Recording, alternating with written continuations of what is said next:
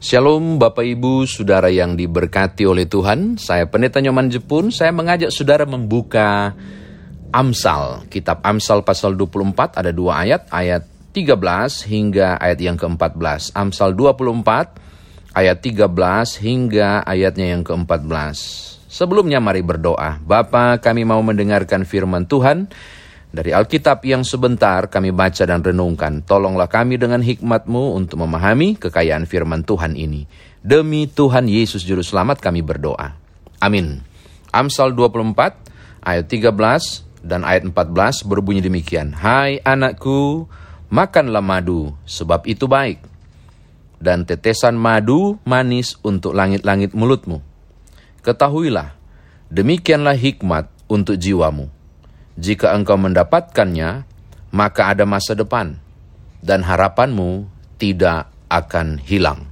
Demikian firman Tuhan, saudara dan saya dikatakan berbahagia jika mendengarkan firman Tuhan ini merenungkannya, memberitakannya istimewa melakukan dalam kehidupan beriman kita. Bapak Ibu, saudara kekasih dalam Tuhan, seperti yang lalu-lalu ketika membuka Amsal, saya sudah beberapa kali menginformasikan kepada saudara bahwa Amsal Ketika menyebut kitab Amsal, kita akan terkoneksi dengan satu sosok bernama Salomo.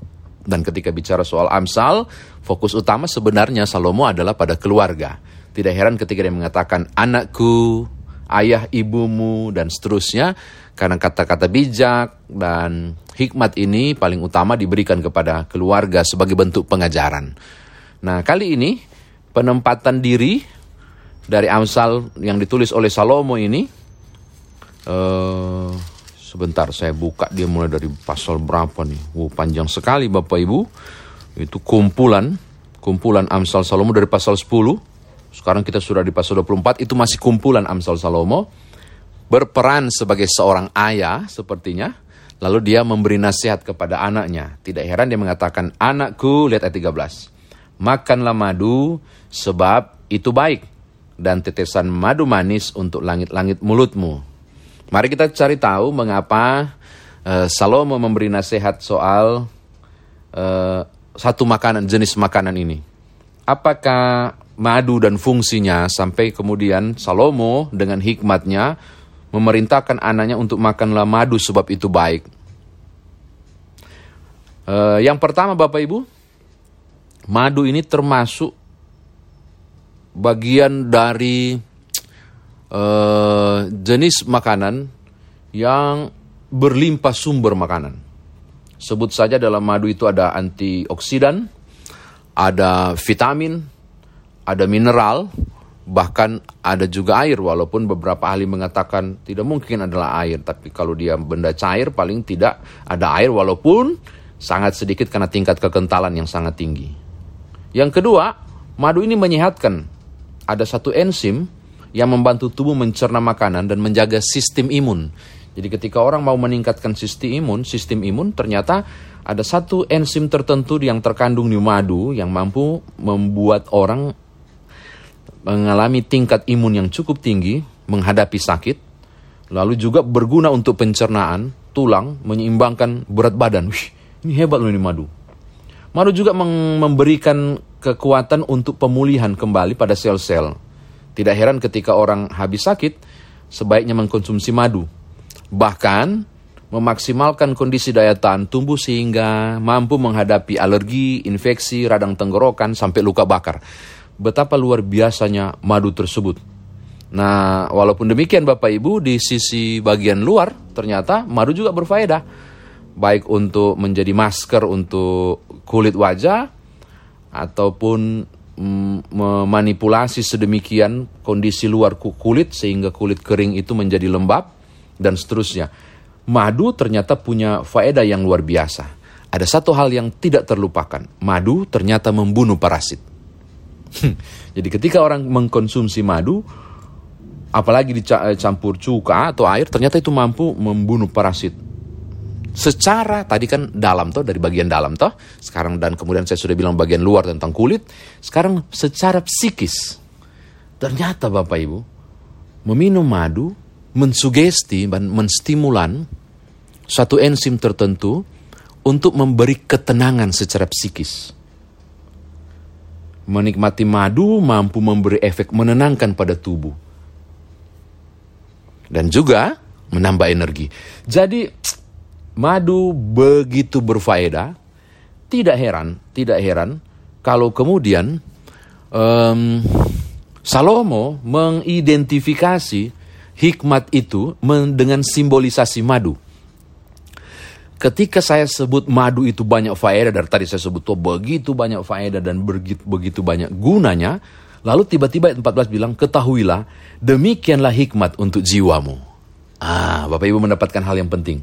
Madu itu bermultifungsi, banyak kegunaan, banyak faedah mulai dari psikis, bagian organ luar, bagian dalam tubuh. Mampu membunuh parasit, antioksidan, dan seterusnya. Jadi begitu banyak fungsi, lalu Salomo bilang begini, demikian juga hikmat. Memiliki begitu banyak faedah untuk jiwamu. Jiwa ya, untuk jiwamu di ayat 14. Jadi yang yang yang Salomo bilang bukan soal madunya, tapi yang Salomo mau bilang soal hikmatnya. Betapa hikmat itu berguna untuk kehidupan, untuk jiwa dengan fungsi yang multifungsi memberi kehidupan yang berguna bagi manusia.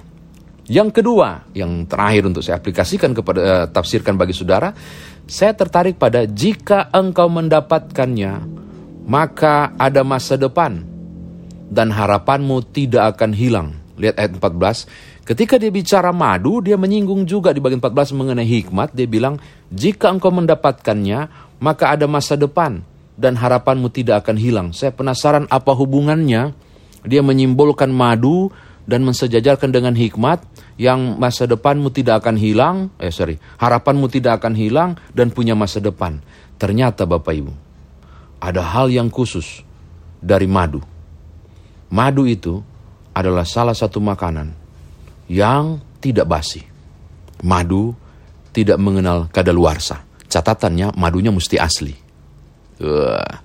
Jadi ketika Salomo bilang begini, Demikian juga hikmat untuk jiwamu. Jika engkau mendapatkannya, maka ada masa depan dan harapanmu tidak akan hilang.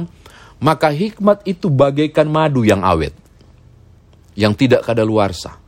Hikmat menjamin masa depan. Bapak Ibu, ini penting bahwa dengan kebijaksanaan yang dimiliki, masa depan terjamin. Dengan kebijaksanaan yang dimiliki, orang akan memiliki pengharapan untuk menghadapi hal-hal yang sulit di masa depan sekaligus. Itu kata Salomo tentang fungsi hikmat. Walau sayang ya, dia sendiri tidak menjadi pribadi yang takut Tuhan di bagian perjalanan akhir hidupnya. Dan akhirnya menjadi penyembah Baal juga, berhala gara-gara banyak istrinya yang juga orang-orang kafir. Akhirnya hikmat ditarik dari dia. Sehingga saya kira tidak tepat untuk mengatakan bahwa terjaminlah masa depannya. Salomo jatuh dalam dosa. Oke, saya kira demikian firman Tuhan ditafsirkan baik kita. Bagaimana mau diaplikasikan? Cuma satu Bapak Ibu. Mintalah hikmat. Yakobus bilang mintalah hikmat. Mintalah supaya kita mendapatkan hikmat. Mengapa? Karena begitu penting ternyata Bapak Ibu. Berfungsi dengan begitu banyak fungsi dalam kehidupan kita. Bahkan dengan hikmat menjamin masa depan setiap orang percaya. Saya mau katakan ini menutup firman Tuhan begini kepada Bapak Ibu. Bahwa kalau di awal-awal Amsal, beberapa waktu lalu kita sudah merenungkan. Salomo berani bilang bahwa Amsal eh, hikmat itu lebih berharga dari emas dan perak. Saya kira tepatlah sebagaimana dia katakan di ayat 14 merujuk ayat 13 bahwa dengan begitu penting berfaedah dan berfungsi banyak hikmat ini, maka benarlah hikmat ini melampaui kebutuhan tentang kekayaan. Mintalah hikmat Bapak Ibu, supaya dengan kebijakan itu, saudara menjalani hidup ini dengan benar. Mintalah hikmat Bapak Ibu, supaya saudara memiliki seni kehidupan yang benar melakukan apa yang Tuhan kehendaki. Kan saya bilang hikmat itu seni kehidupan. Saudara, ada orang pintar menciptakan senjata. Tetapi orang berhikmat tahu menggunakan dengan tepat senjata itu. Ada yang menemukan nuklir, tetapi orang berhikmat tahu menggunakan dengan tepat nuklir itu. Teknologi canggih yang luar biasa. Digitalisasi yang hebat dan kehidupan industri 4.0 sekarang. Semua ada. Tapi dengan hikmat, kita memiliki seni kehidupan yang bisa mengolah, memanfaatkan teknologi dengan benar. Sesuai kehendak Tuhan. Miliki hikmat, karena itu berfaedah untuk saya dan saudara. Tuhan berkati Bapak Ibu. Haleluya. Amin.